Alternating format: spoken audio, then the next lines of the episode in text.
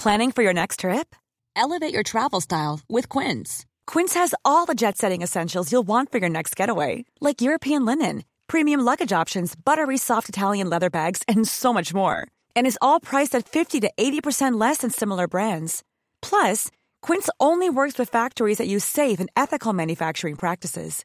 Pack your bags with high-quality essentials you'll be wearing for vacations to come with Quince. Go to quince.com slash pack for free shipping and 365-day returns. Burrow is a furniture company known for timeless design and thoughtful construction and free shipping, and that extends to their outdoor collection. Their outdoor furniture is built to withstand the elements, featuring rust-proof stainless steel hardware, weather-ready teak, and quick-dry foam cushions. For Memorial Day, get 15% off your Burrow purchase at burrow.com slash ACAST and up to 25% off outdoor. That's up to 25% off outdoor furniture at burrow.com slash ACAST. Wow. Nice. Yeah. What you're hearing are the sounds of people everywhere putting on Bombas socks, underwear, and t-shirts made from absurdly soft materials that feel like plush clouds. Yeah, that plush. And the best part? For every item you purchase, Bombas donates another to someone facing homelessness. Bombas. Big comfort for everyone. Go to bombas.com slash ACAST and use code ACAST for 20% off your first purchase. That's bombas.com slash ACAST. Code ACAST.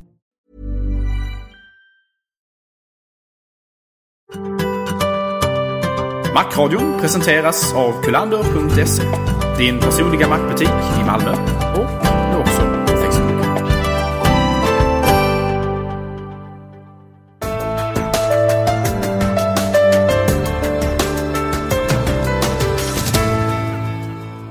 Hej och så hjärtligt välkommen till nästa avsnitt av Macradion.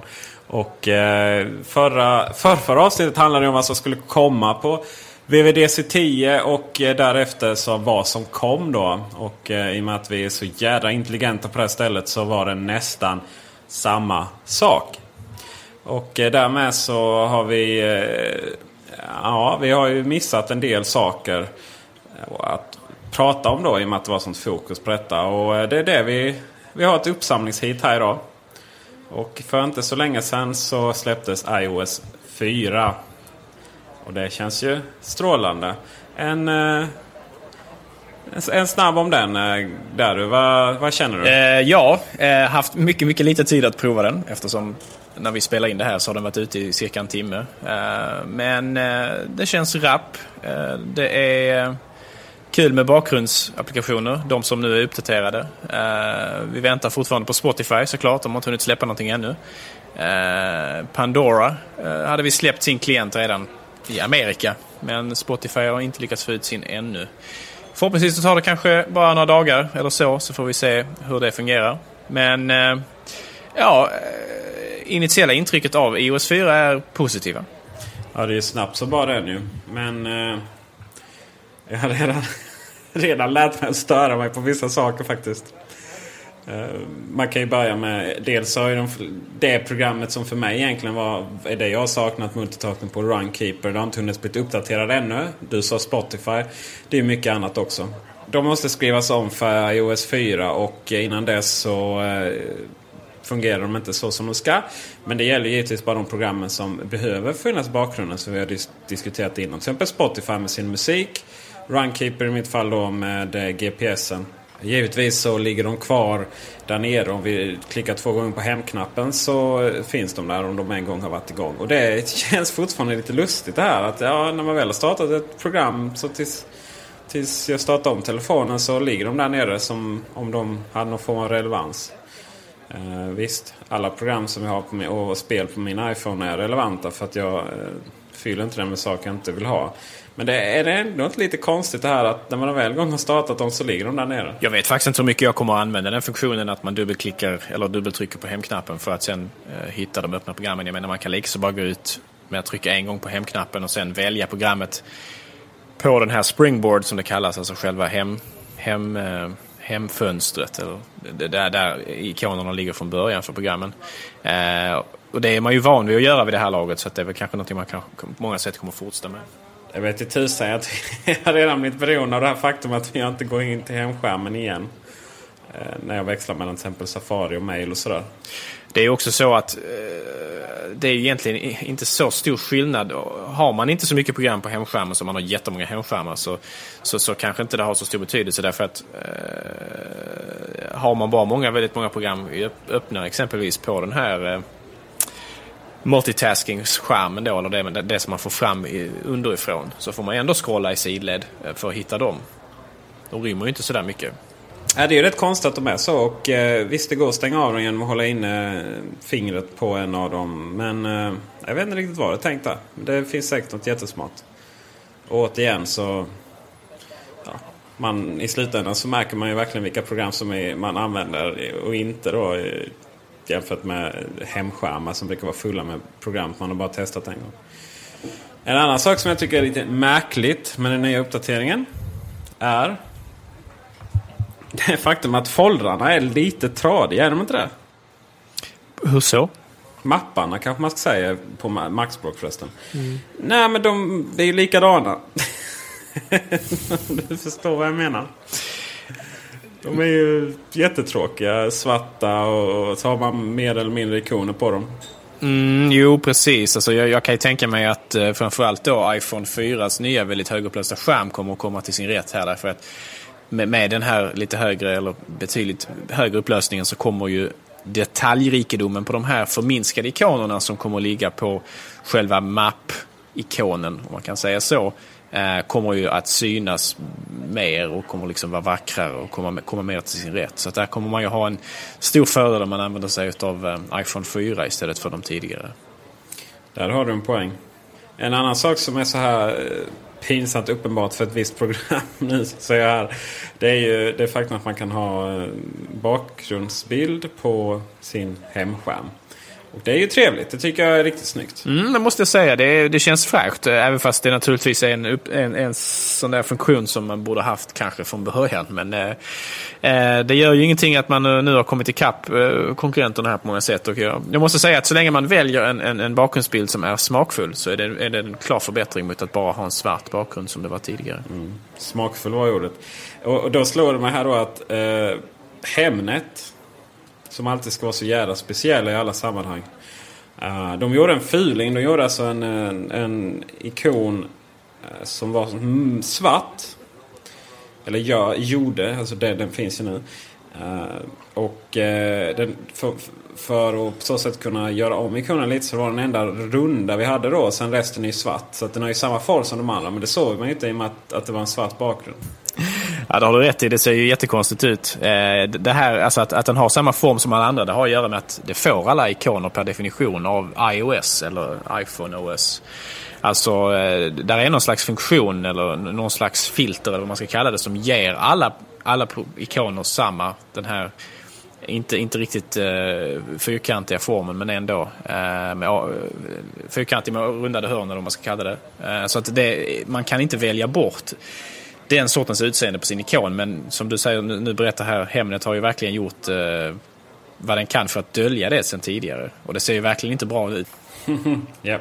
Och då kan man ju så här spekulera. Hur har då Peter Esse gjort sin eh, mappindelning? Vilket personligen jag då själv förefaller väldigt intressant. Och då är det de här programmen som jag använder mest de ligger givetvis på första hemskärmen och där har vi Runkeeper, Twitter, Facebook, kalendern, Evernote, mina utgifter. Mm -hmm. One Password, kameran, bilder, meddelande, kalkylatorn. Sen därefter så kommer på andra skärmen så har jag lite sådana här som visst jag använder rätt ofta men inte så ofta. Typ App Store, iTunes, eh, Remote, iTeleport, YouTube, röstmemon. Dropbox ligger där också. Uh, och sen i dockan har jag telefon, mail, Safari och iPod. Sen har jag faktiskt skapat för tre mappar redan. Och det är då tv och film. Alltså, grejen är att jag tittar inte så jävla mycket på SVT Play faktiskt. Men det, ibland känner man att man står där på bussen så, eh, och väntar på bussen en regndag. Så kan det vara trevligt om man kan dra, dra in och sådär. Uh, app. Och sen så har jag... Det, detta är nog den näst bästa anledningen att ha en mappa faktiskt är att jag har en som kallas ute på stan. Och där har jag alltså appar utifall jag skulle hamna någon gång kan vara bra. Sådana här kan vara bra att ha ibland appar. Men jag har aldrig använt dem ska jag säga i, i ett, i ett eh, riktigt läge. Men där har jag iTranslate. Till exempel om man skulle stå och möta någon fransk som frågar efter hotell eller någonstans i Malmö. Prisjakt. Nu är inte jag mycket för att jaga priser va. Men ändå. Skånetrafiken. Om jag mot förmodan någon gång skulle idka lite kollektivtrafik här i Malmö. Det är ju ingen jättestor stad om jag säger så. Och sen Hemnet då också om jag helt plötsligt skulle befinna mig i eh, in the middle of nowhere och tycker här kan man bo och sen så kan man söka upp i närheten. Och sen i slutligen har jag övrigt och där har jag lagt de fyra programmen som jag verkligen överallt i alla på planeten skulle vilja ta bort. Och det är anteckna, aktie, kompass, väder som jag överhuvudtaget aldrig använder. Och det är det jag har mappat till. Jag vet inte, har du hunnit dela in någonting? Nej, jag, jag följer väl lite grann standardindelningen som Apple jag vet så görs när man köper telefonen ny nu med iOS 4. Det vill säga man, man har en, en mapp med liksom eh, ska man säga, eh, kalkylatorprogrammet, eh, klockprogrammet, eh, aktier eh, och den här röstmemon och sådär. Alltså så man, man gömmer undan sådana här program som är mer, eh, på engelska kallas för utilities. Alltså. Program som man bara använder då och då egentligen. Eh, Men herregud, hur, eh, hur kommer du upp på morgonen om du inte använder väckarklockan? det, det använder man ju hela tiden men man, ser, man gör ju väldigt sällan inställningarna på den. Nej, i och för sig har rätt. Man gör ju det egentligen bara en gång kanske då. En gång för kanske vardagar och en gång för helgen och sen så kör man på det. För det mesta åtminstone för min del. Uh, jag gillar rutiner. Uh... ja, alla är väl lite speciella och kräver rutiner för att inte, för att inte liksom livet ska bli så här konstigt. Och, ja, du vet hur det kan sluta. Det är förvånansvärt det där med hur kroppen anpassar sig efter just tidsrutiner och sådär. Har, har man semester så vaknar man ändå jättetidigt om man är van att gå upp tidigt och sådär. Eh, även fast jag är ingen morgonmänniska så gör man det per automatik ändå.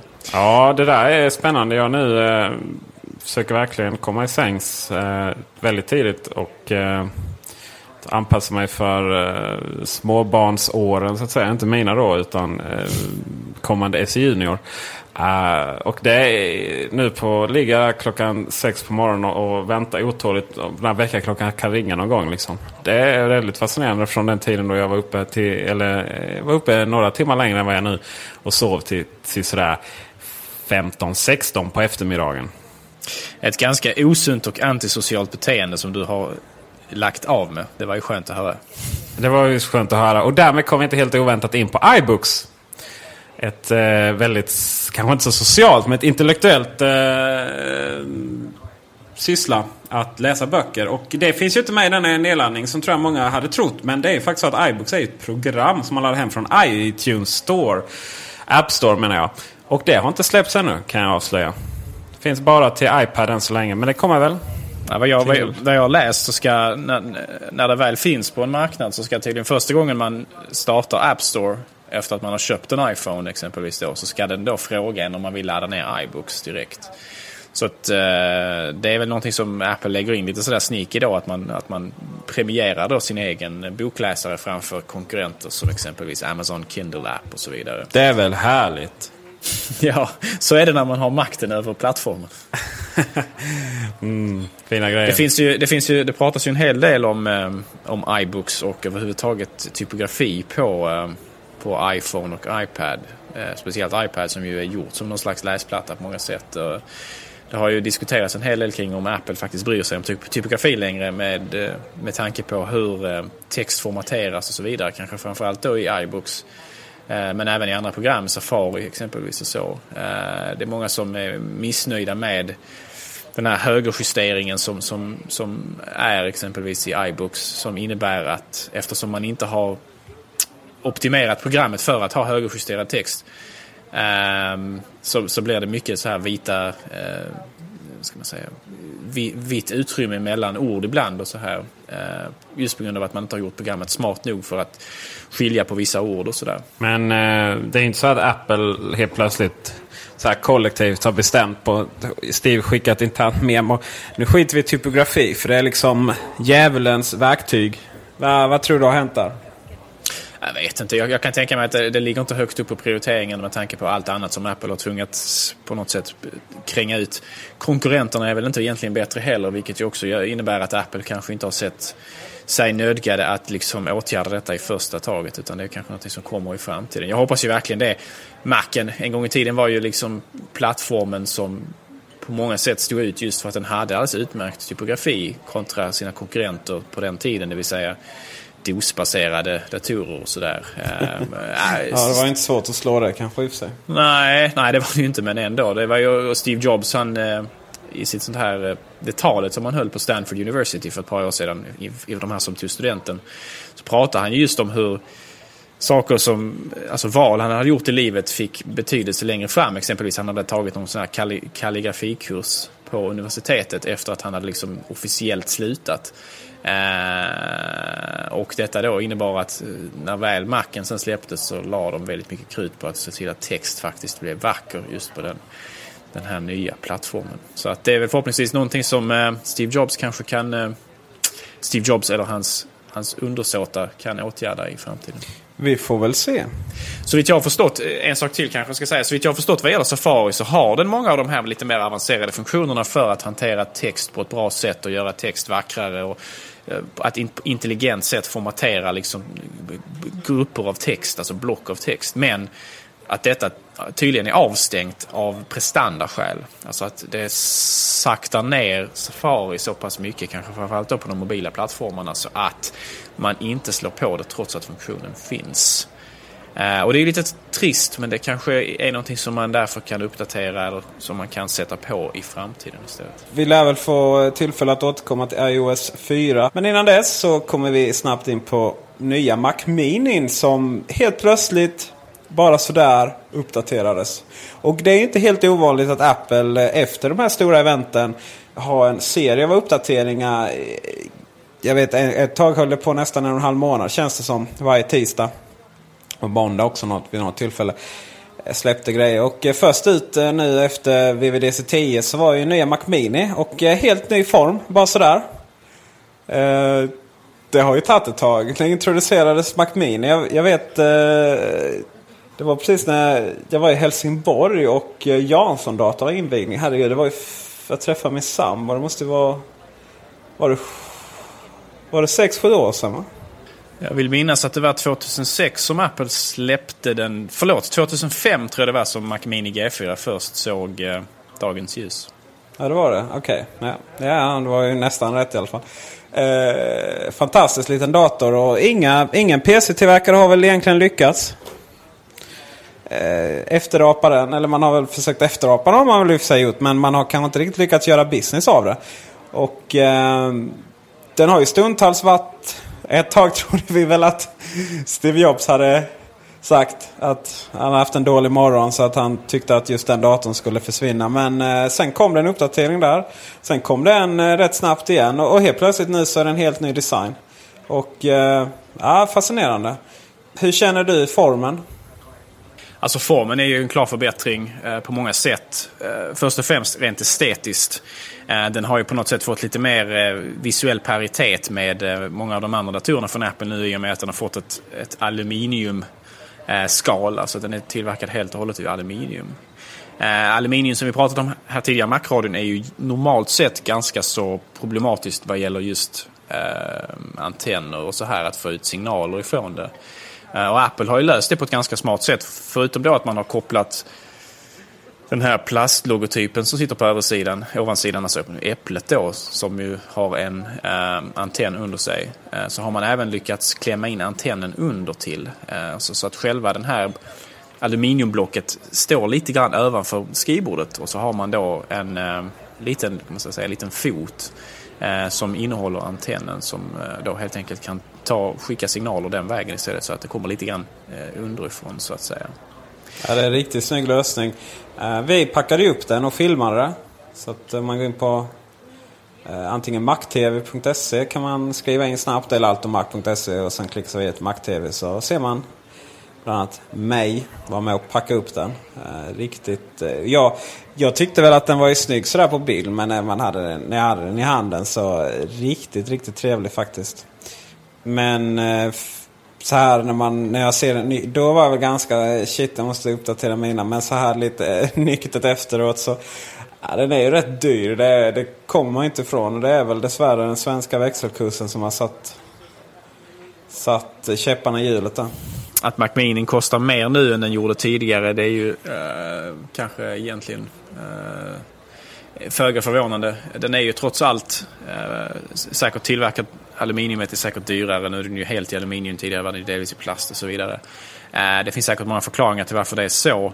Eh, lite olyckligt att man har uppgraderat priset också. Förutom då att uppgradera hårdvaran kanske. Eh, jag tror att det på något, detta på något sätt är ett erkännande från Apple att detta, det vill säga Mac Mini, inte egentligen är den där switchermaskinen som man en gång i tiden hoppades på att den skulle vara. Jag tror att de flesta människor som är nya till Macen idag går överhuvudtaget inte att, och tittar på Apples Mac Mini och, och, och, överväger att köpa den. Utan jag tror att man tittar mer på integrerade lösningar i form av iMac och Macbook. Så är det nog.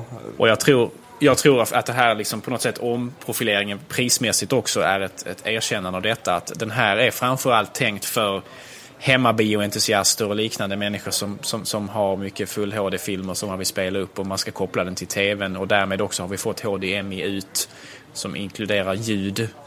Vilket ju är en, en välkommen förbättring. Eh, någonting som vi kanske får se på fler, eh, hård, mer hårdvara från Apple även nu i framtiden. Samtidigt så eh, har ju mini-displayporten också ljud och det var ju inte en stor adapter som krävdes däremellan. Men det, det, är ju så att det har nog aldrig varit en så dålig växelkurs på en Apple-dator. Tror jag inte. Jag menar det är ju gånger 10 brukar ju vara sådär eh, om man tar lite höjd. Men det här är ju ännu värre ju. 699 dollar blir efter valuta, moms och annat eh, nästan 8000 kronor. Mm. Ja, det är, det är helt klart mycket pengar. Um, jag har inte själv haft möjlighet att testa den. Jag har bara sett den och, och känt på den lite grann. Sådär. Det är lite sådär, man har, man har ju fattat hela tiden att Mac Mini såldes ju bäst till under tvn och den gör sig riktigt, riktigt bra. Men eh, ändå, att, att, de, att, det, att de nu så här långt efterhand inkluderar det, det är lite förvånande faktiskt. Ja, det är, det är väldigt välkommet måste jag säga. Eh, en annan sak med MacMini som jag tycker är väldigt positiv, förutom då att de har liksom uppdaterat formen på den, så har den ju fått lite andra dimensioner. Eh, den har ju krympt åtminstone i vissa väderstreck så att säga, medan den har expanderat i andra. Men den, alltså den totala volymen har minskat något, samtidigt som man inte bara har lyckats uppgradera hårdvaran i den så man har en snabbare processor, man har snabbare grafikkort men även faktiskt lyckats integrera nätaggregatet. Och har man någonsin ägt en Mac Mini, jag är en av de som har det, så vet man att nätaggregatet på de, de tidigare modellerna var ju nästan lika stort som, som datorn själv. Alltså hade man, eh, hade man liksom ingen möjlighet att gömma det bakom en, ett, eller under till ett skrivbord som jag gjorde eller bakom då kanske en, en stereobänk och så vidare så hade man ett ganska stort och skrymmande nätaggregat liggande någonstans som var ganska så fult. Eh, eller sådär ganska så trist att ha. Men nu har man alltså lyckats integrera detta rakt in i maskinen så att nu har man bara i princip en strömsladd för maskinen rakt ner i, i, i strömuttaget. Eh, en mycket elegantare lösning, eh, vackrare, eh, mindre naturligtvis, eh, ska man säga, mindre eh, ja, saker att tänka på, mindre hårdvara att tänka på. Att det, det ligger liksom integrerat nu. Um, och uh, ganska fantastiskt faktiskt att den både har blivit, åtminstone på vissa bredder, mindre snabbare eh, och samtidigt har integrerat en komponent som tidigare lyftes ut säkert både då för att den var större men också för att den faktiskt är ganska så varm. Alltså, nätaggregat tenderar att bli ganska så varma. Ehm, så att det ska bli intressant att se hur man lyckats kyla det här. Hur effektivt man lyckats kyla det här. För Mac Mini som när man använder det just bredvid en tv-apparat kan ju faktiskt hamna på ganska så trånga ytor. Alltså man kanske sätter den på sätt som gör att Eh, luftgenomflödet eller eh, eh, så att säga tillgången på överhuvudtaget öppen yta är ganska begränsat. Så att det ska bli intressant att se hur, hur bra den faktiskt klarar av eh, att göra sig av med värmeutveckling som den har. Aluminiumet som, som, som sitter runt omkring kommer säkert hjälpa lite grann där för aluminium lyfter ju ut värme väldigt bra. Det är värmeledande. Väldigt, väldigt värmeledande. Så att det kan ju hjälpa där lite grann åtminstone. Uh, och sen så, och så vitt jag kan se på specifikationerna från Apples hemsida så har fläkten, alltså man, man, man brukar ange hur hög, högljudd fläkten är, så har de angett att den är lite, lite högre decibelmätt nu än tidigare. Men det är kanske eh, marginellt och kanske inget som man märker, allra helst inte om den står bredvid en full HD-TV. En sista grej som är det stora fördel är att det numera går att byta minne utan att vara alltför välutbildad ingenjör. Och, eh, det är en stor fördel för det var, krävdes en tårtspade och det var rätt så eh, pilligt där inne och det var lätt att missa eh, det var mest och det var lätt att missa och sätta på, jag tror det var fläktsensorn. Så den, när folk kom hem från butikerna så kunde den varva upp något som bara den. Mm. Ja, alltså det här är högst anmärkningsvärt egentligen. Eh, som sagt, vad jag pratade om tidigare, man har, man har förändrat formen på den, man har, man har liksom integrerat många enheter och samtidigt har man då lyckats göra den mer lättåtkomlig för det som de flesta konsumenter uppgraderar själva, det vill säga internminnet. Um, och det är en väldigt, väldigt elegant lösning. Man vänder helt enkelt upp och ner på den och sen så kan man skruva av den här foten som jag pratade om som egentligen är en rund lucka. Uh, där, uh, där det även sitter någon slags sändare för wifi och bluetooth och så här. Så bara skruvar man av den och sen har man i princip tillgången till, tillgång till internminnet där och kan byta det väldigt, väldigt snabbt och enkelt. Eh, och det gör att Mac Mini, ironiskt nog, går från att vara den dator som Apple har sålt tidigare som har varit svårast att installera RAM i till att vara den som är tveklöst enklast. Absolut. Den enda som inte... Inga skruvar, ingenting. Nej, precis. Inga skruvar alls, utan man skruvar bara av luckan och sen så har man tillgång till minnet. Det är faktiskt en briljant lösning som, som, som eh, är värd att hylla. Om vi, om vi, I'm Sandra, and I'm just the professional your small business was looking for. But you didn't hire me because you didn't use LinkedIn jobs. LinkedIn has professionals you can't find anywhere else, including those who aren't actively looking for a new job but might be open to the perfect role, like me. In a given month, over 70% of LinkedIn users don't visit other leading job sites. So if you're not looking on LinkedIn, you'll miss out on great candidates like Sandra. Start hiring professionals like a professional. Post your free job on linkedin.com/people today.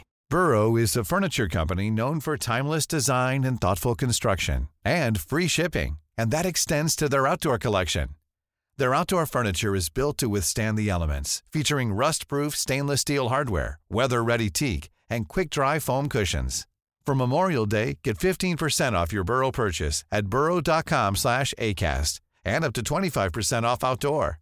That's up to 25% off outdoor furniture at burrow.com slash ACAST. Wow. Nice. Yeah. What you're hearing are the sounds of people everywhere putting on Bombas socks, underwear, and t-shirts made from absurdly soft materials that feel like plush clouds. Yeah, that plush. And the best part? For every item you purchase, Bombas donates another to someone facing homelessness. Bombas. Big comfort for everyone. Go to bombas.com slash ACAST and use code ACAST for 20% off your first purchase. That's bombas.com slash ACAST. Code ACAST. Om vi kommer tillbaka till det här lite grann som jag pratade om tidigare. Att, alltså att Mac Mini inte längre är en, en switchermaskin. Alltså jag, jag, tror inte den på något sätt längre fyller den funktionen. När, när Mac Mini kom ut eh, 2005 som vi pratade om så släppte man den för 499 dollar. Alltså det, och då stod Steve Jobs på scenen och sa just att det här är en switchermaskin, vi ser till att den ligger under 500 dollar. Den ska finnas tillgänglig till alla. Men det har ju faktiskt släppts en ny maskin nu från Apple som ligger under 500 dollar strecket precis. Eh, som jag tror kommer att vara betydligt mer framgångsrik vad gäller att få fram switchers till Apples plattformar och det är naturligtvis iPad. Jag är ganska övertygad om att iPad på många sätt är en mycket mer framgångsrik och kanske på något sätt en själslig uppföljare till Mac Mini och den kommer nog att få mycket större eh, betydelse för Eh, att locka nya kunder till Apples plattformar i framtiden. Jag tror man, miss, eller man eh, lite missbedömde det här också. Att folk vill inte ha kvar sin gamla fula PC-tangentbord och mus och skärm och kopplat till Mac Mini. Utan eh, att iMacen i mångt och mycket, framförallt nu på senare tid då den har blivit så fantastisk, underbar på alla sätt och vis. Har blivit den switchermaskin som eh, Mac Mini blev. För i slutändan om man ska köpa en Mac Mini med Apple-tangentbord, Apple-mus och Apple-skärm. Det blir inte billigt någonstans alltså. Nej, speciellt som Apples skärmar är ju exceptionellt dyra. Det är väldigt fina skärmar, 24-tummaren är väldigt fin och den är väldigt... Den är ju prisvärd, dyr men prisvärd. Ja, alltså, ja det, det, kan man ju säga. Den, är, den har ju helt klart funktioner som konkurrenterna inte har. Det här integrerade högtalare på ett väldigt fint sätt. Det har vissa konkurrenter naturligtvis, men Apple har ju sin egen lilla touch på det där. Eh, integrerad eh, iSight-kamera och naturligtvis strömsladd till bärbara datorer som gör att för ett visst kundsegment då så är den ju naturligtvis både attraktiv och, och eh, säkert värd pengarna. Men eh, för väldigt många människor så är den ju helt enkelt alldeles för dyr för att vara en 24-tums skärm. Eh, oavsett sen om den har en fin bild eller inte. Men 24-tums LED Cinema Display är väl någonting som kommer att uppdateras här inom den närmsta tiden skulle jag tro. Det känns väl ganska naturligt att den kommer att krypa upp till 27 tum precis som iMacen. När 24-tums LED kom så var ju iMacen 24 tum. De, det finns ju vissa eh, så att säga, ekonomiska fördelar med att ha samma komponenter i flera olika ehm, så att säga, datorer, i det här fallet skärmar som man säljer för att eh, få volym, eh, upp volymen på dem så att man kan köpa in fler och således få lägre priser. Så att jag kan ju tänka mig att Apple Cinema Display kommer att få se lite kärlek under den närmsta tiden och förmodligen uppgraderas till IPS och 27 tum och allt det här. Kanske 24 blir kvar men att 27 eller att man sänker den så det blir 21. Äh, det vore, vore jävligt puckat faktiskt. Antingen blir det en 27, en 24 och en 27 kanske. Uh, ja, om inte man sänker priset på 21, alltså jag kan ju mycket väl säga att Apple har en 21,5 tums eller det är Cinema Display eller Cinema Display och en 27 tums. Men då får man ju se till att prissättningen på 21,5 tummaren är betydligt lägre eh, än vad den var på 24-tummaren för att eh, alltså, det är inte så långt steget från 24-tummarens prissättning till en, en iMac 21,5 tum. Och då får du dator, du får tangentbord, du får mus. Du får så otroligt mycket mer för pengarna. Eh, och det är egentligen bara Ja, det är bara ett par tusen kronor som det skiljer egentligen. Och där, därför så jag, jag, kan mycket väl tänka mig att de, att de ger en 21,5-tummare och jag skulle mycket väl kunna tycka att det är bra också. Men då måste priset reflekteras därefter. Tror jag kommer nu. Jag menar om vi ser till hur länge sedan det var Mac Pro uppdaterades och vi ser till att den här luckan nu från det iPhone OS eh, eller förlåt, nya iPhonen och iPhone OS för den delen eh, har presenterats och släppts så är det en ganska lång lucka till eh, oktober och framförallt september då det är dags för nya iPodar. Och det är väl det är nu de kommer och därmed också nya Mac Pro antagligen. Och eh, jag menar så länge sedan det var. Det var över 400, eh, hur många dagar sedan som helst. Nästan ett och ett halvt år. Mac Pro är ju starkt eftersatt. Eh, någonting som är ytterst beklagligt. Det är en nischmaskin naturligtvis. En nisch av en nisch om man säger så. Att både vara professionell och Mac-användare på det sättet. Eh, för många har säkert eh, iMac, framförallt 27-tummaren, ersatt Mac Pro för det de behöver. Men det finns en hel del människor där ute som fortfarande behöver det som Mac Pro har unikt. Eh, möjligheten att uppgradera antal hårddiskar, jättemycket internminne, få de absolut snabbaste processorerna från, från Intel och så vidare. Eh, och, och, det är någonting som jag hoppas att Apple eh, faktiskt åtgärda nu för att Mac Pro börjar se rätt så trist ut i jämförelse med konkurrenterna. Både prestandamässigt men också framförallt prismässigt. Det är, jag är tämligen övertygad om att i och med att vi har sett att Mac Mini faktiskt, att, att den faktiskt uppdaterades design. Liksom, att, att, man faktiskt gör det. Att det på något sätt är bortglömda de gamla mackarna i förmån för de här mobila enheterna. Så jag är tämligen övertygad om att Mac Pro, ja vi får nog se en uh, ny uh, form på den också kanske skulle inte förvåna mig alls. Personligen så tycker jag att Mac Pro fortfarande på något sätt håller. Det är ju ingen, det är inte världens sexigaste dator men det är ju, den är utilitaristisk på många sätt. Den har den här, det här gallret som släpper igenom luft väldigt väl. Den har de här handtagen för de som behöver nu bära den med sig och så vidare. Eh, det är inget fel på formen. Aluminium har den ju haft väldigt länge och sådär. Eh, jag gillar den på många sätt eh, men ja, det är ju alltid kanske kul att se vad Apple kan liksom hitta på med, med den på, på nytt. Deras nya vision av den professionella stationära Ja, det skulle vara väldigt spännande. Framförallt så är det ju så att jag menar G5, G5 Power...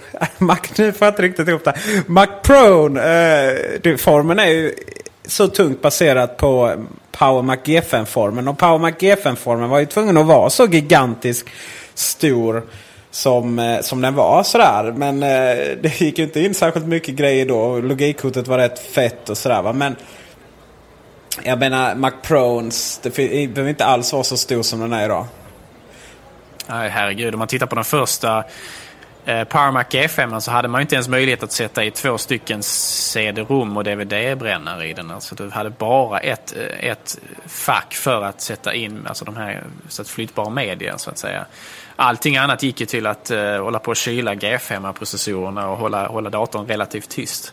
Uh, jag kommer ihåg de här videorna som Apple presenterade där de visade in, in, innan, liksom, innanmätet på uh, Power Mac G5 de hade de här plast, genomskinliga plast... Eh, vad ska man kalla det egentligen? Alltså man satte in en plastgrej som skilde åt de olika delarna i datorn så att de kunde kylas individuellt med e-, egna fläktar och så vidare och så ledde man då liksom varm luft därigenom. Det var en väldigt, väldigt intrikat lösning som, som på många sätt var imponerande naturligtvis men samtidigt så var det också ett, eh, ett bevis eller ett, ett, tecken på att G5 på många sätt var en extremt varm och svårkyld processor. Eh, och det slutade ju till och med så, så med att man fick vattenkyla G5. Nu var det ju ganska kortlivat experiment för sen så fick vi ju Intel-processorerna och då var det slut med vattenkylningen igen. Men eh, ja, det var väl det var ju verkligen desperat där mot slutet innan man, man faktiskt bytte plattform. Uh, just att få G5 på ett sätt så att den gick att använda faktiskt. Ja, de här vattenkylna historierna de har ju kommit med rätt länge där med, som i alla sammanhang. Men allt som är vätska kan ju Uh, en, en, annan dator som jag hoppas på och egentligen inte vet sådär. Det är svårt, eller vet och vet, vet ju ingenting som vanligt. Men, men som inte är lika enkel att förutspå det är ju iMacen. Som jag ju hoppas på en ny, för det är dags att införskaffa en nu. Och det var ju faktiskt, det känns som att den uppdaterades nyss men det var ju faktiskt förra året i slutet november va? Och uh, Oktober tror jag till och med. Till och med. Ja, och då var det ju faktiskt så att, att det är dags för även den nu. Så förhoppningsvis får vi se det också här de kommande veckorna. Rent personligen så är jag väldigt, väldigt intresserad av att se vad som kommer att hända där. För att jag är lite grann eh, sugen och intresserad av att köpa en faktiskt. Eh, det hade varit trevligt med en 27-tummare med lite trevligare grafikkort och så. Så att den skulle kunna vara lite mer kapabel vad gäller spel och liknande. Lite mer krävande grafiska applikationer. Eh, gärna, gärna att man kan få välja en gigabyte i eh, VRAM och ett grafikkort som kan utnyttja detta. hade varit väldigt trevligt faktiskt. Det hade varit riktigt trevligt med en riktigt bra speldator.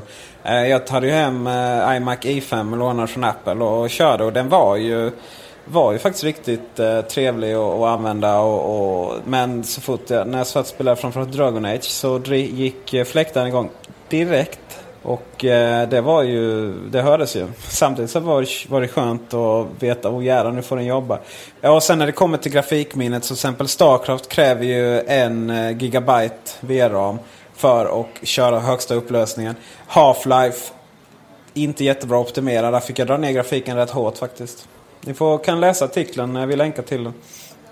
Och om man då ser till hur man uppdaterar de här iMacarna då blir det ju såklart en någon form av enkel speedbump. Men då kanske i5 blir standard och sen så i7 den fetaste. Sen har man en riktigt, riktigt bra där. Den som är i7 nu som är svindyr den kanske blir standard av de, av de ska jag säga, bättre modellerna. Uh, så att, uh, jag ser verkligen fram emot att få, få inhandla en sådan. Mycket spännande för en, eh, en Mac-entusiast även i framtiden från Apple. Det har ju, har ju varit lite oro från människor att, att Macen kommer att bli åsidosatt och så vidare. Men not to worry, som Steve Jobs brukar säga. Nej, herregud det har vi, vi tagit upp det här innan. Men bara för att iOS-enheterna har, har nått enorma framgångar så betyder inte det att man helt plötsligt kommer bort de datorerna. Eh, jag menar, det, det är svårt. Det blir mycket uppmärksamhet på dem. Men Macen har ju aldrig varit större än vad den är nu. Har ju aldrig haft en vackrare framtid än vad den har nu. Och eh, om man lyssnar till eh, källor på internet, som man inte alltid ska tro på, men i det här fallet så gör vi det. Så sägs det att MacOS 10.7 utvecklingen har börjat ta fart på riktigt och man eh, kan nog eh, se fram emot en riktigt bra uppdatering där. Jag tror nämligen så att nu har vi MacOS 10.6. Det är en riktigt stabilt system. 10.5 är ett väldigt stabilt system. Jag har inte ens lyckats uppdatera med Macbook Air ännu och jag eh, saknar knappt det. Eller jag tänker knappt på det. Eh, snacka om att ett företag för första gången kan ta nästan hur lugnt som helst eh, utan att på något sätt bli förslappade. Men ändå kunna utveckla utan att ha någon panik. Verkligen skruva på de grejerna som måste fixas. Verkligen tweaka de funktioner. Det kan bli så en enormt fin uppdatering eh, nästa sommar. Vem vet, vi kanske till och med får se Marble vad det lider. Ja, det önskar du va? om, om, man nu ska vara så så, eh, alltså, eh, jag undrar om inte vi har redan sett Marble på många sätt i form av iPad. Där har vi ju faktiskt ett äh, användargränssnitt som baseras mycket på svart och vitt. Äh, speciellt då i webbläsaren och liknande. Så att, äh, det är mycket möjligt att vi har framtidens utseende av MacOS 10 redan på många sätt på iPaden. Ja, det är ju en sak som man verkligen kan fokusera och göra det enhetligt och sådär testa olika eh, designformer och så vidare. Vi får väl se. iTunes har alltid varit föregångaren vad vi får se. Vi får väl se vad som händer nu i september. Gud förbjude att det fortsätter vara det. ja, men herregud. Jag menar, det är ju självklart att vi kommer få se iTunes 10 med, som kommer att symboliseras som iTunes X. Jag får inte säga att det heter det, för då får jag ju bara stryk från dig, Gabriel. Det kommer i september, det kan, man ju, kan jag ju slå vad om. Många, många Och förhoppningsvis är det en nystart precis som Quicktime 10 var en nystart. Ja, verkligen. Det kan man och, eh, Innan vi går vidare till vad som komma ska så något som faktiskt lanserades i samband med VVDC 10 men som knappt uppmärksammades alls. Eller uppmärksammades inte överhuvudtaget på keynoten. Det var ju Safari 5. Mm. Och eh, jag har laddat hem det och det jag, det, det jag mest har funderat på. Ja, den är ju snabbare som vanligt. Men eh, den här blå laddningsgrejen är borta. Gud ske lov för det. Det har ju varit välkommet kan jag säga. Äntligen så har ordningen återställd igen. Det vill säga att laddningsindikatorn ligger hela vägen bakom eh, adressfältet istället för att ha den här hemska intetsägande blå klumpen i slutet på högra sidan av adressfältet som skulle vara laddningsindikator. Eh, Apple har ju fortfarande inte gjort riktigt rätt för sig. De har ju fortfarande den här eh, Eh, uppdateringsknappen som ligger i adressfältet för att då naturligtvis ha paritet med eh, iPhone-plattformen och iPad också. Eh, det kan man ju till viss del åtgärda genom att via den här nya arkitekturen för att skapa pluginer till Safari 5. Jag såg att, jag kommer ihåg att John Gruber skapade en sån här typ på första dagen när han hade släppt den. Eh, som han släppte som man kan göra. Så att det finns alltså man kan ladda ner så att man kan få en uppdateringsknapp, en riktig knapp på den här liksom metalldelen av fönstret istället. Eh, som ser ut som den såg ut i tidigare versioner av Safari, det vill säga Safari 3 och tidigare. Eh, så som Gud och eh, ja, Gabriel anser att det borde fungera från början. Men i varje fall laddningsindikatorn är tillbaka igen bakom, eh, bakom hela adressfältet. Precis som på iPhone, precis som på iPad. Eh, och det är en mycket, mycket elegantare och finare lösning. Sen så tycker jag det är väldigt, väldigt positivt att Safari nu har fått de här insticksmöjligheterna för att det ska bli spännande att se vad som släpps här nu. Hur många program som inte kommer att kunna utnyttja de här för att göra helt enkelt sig själva bättre och mer integrerat mot Safari och mer integrerat mot webben den vägen och sådär. Det är en sak som jag, eller lite tufft det här att den känner av när det är en artikel eller om det är lång text eller så vidare. För om jag går in på vissa artiklar på eh, Alto Mac här så blir RSS-symbolen, knappen, står läsare istället. Mm, precis, alltså det är den här som kallas Safari Reader på engelska. Uh, en funktion som helt enkelt ämnar att göra läsupplevelsen på internet eh, behagligare för de som betyder något, det vill säga för de läsarna, för användarna.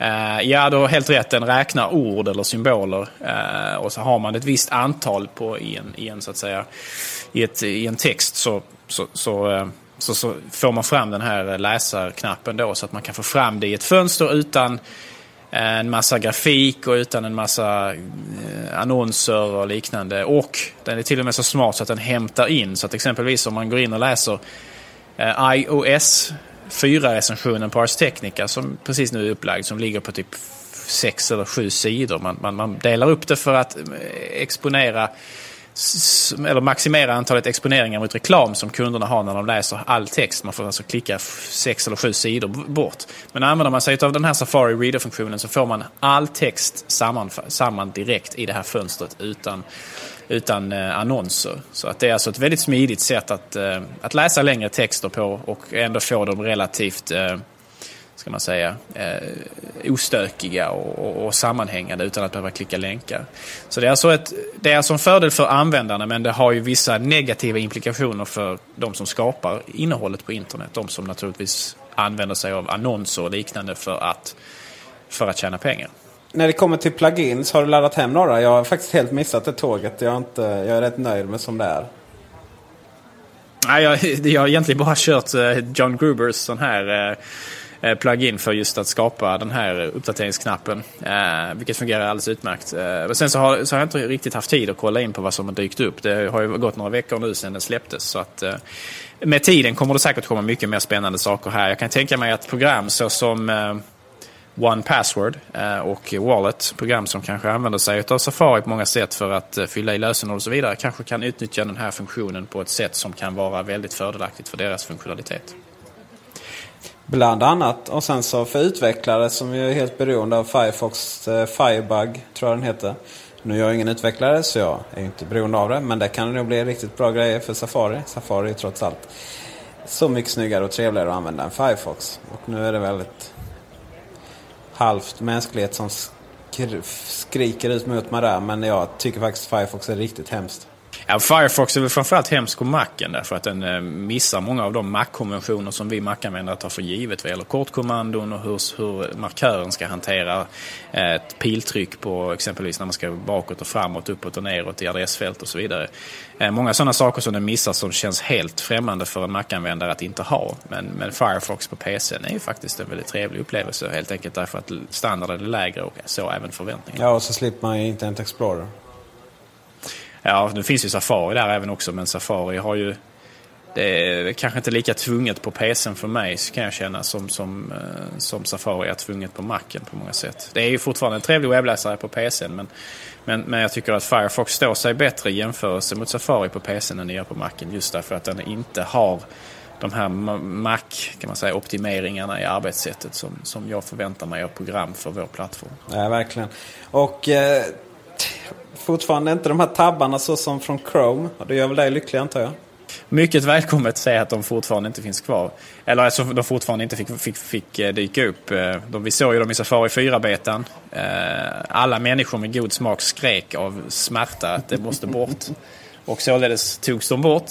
Och vi fick tillbaka de gamla tabbarna som kanske inte på många sätt är den slutgiltiga optimalaste lösningen av att hantera tabbar. Men som är helt klart bättre än de som då dök upp i, eh, längst upp på fönstret i, i form av Safari 4-betan och Chrome-versionen.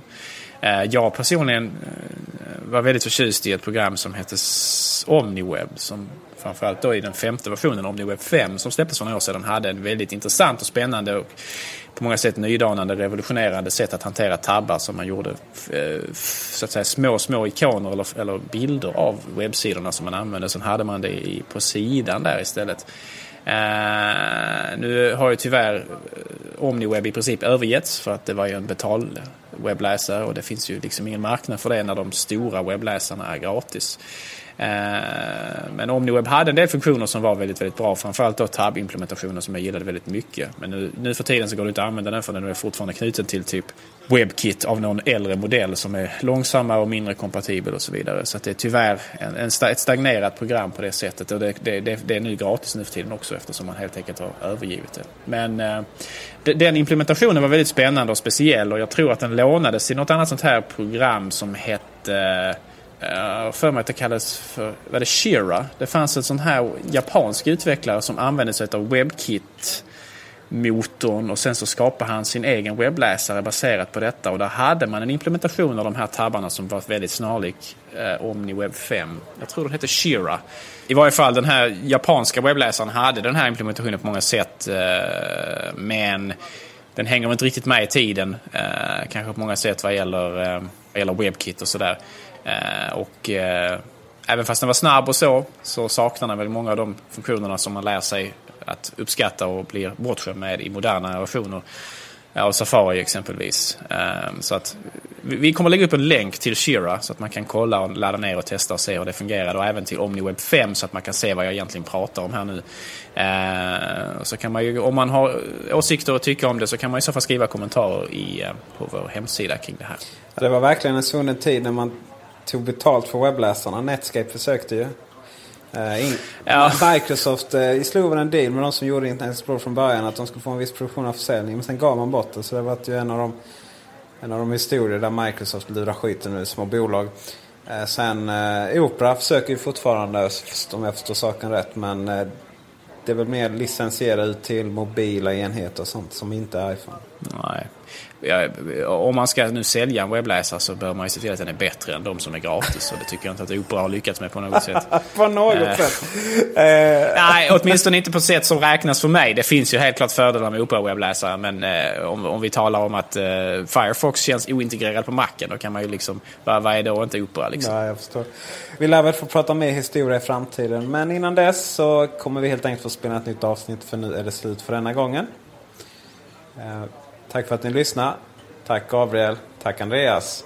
På återseende. Hej.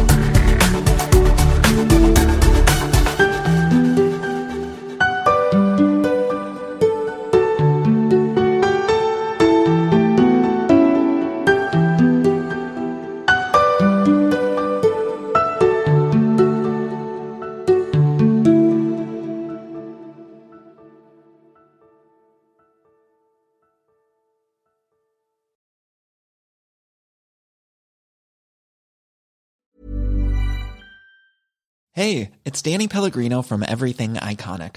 Ready to upgrade your style game without blowing your budget? Check out Quince. They've got all the good stuff shirts and polos, activewear, and fine leather goods, all at 50 to 80% less than other high end brands. And the best part? They're all about safe, ethical, and responsible manufacturing. Get that luxury vibe without the luxury price tag. Hit up quince.com slash upgrade for free shipping and 365 day returns on your next order. That's quince.com slash upgrade.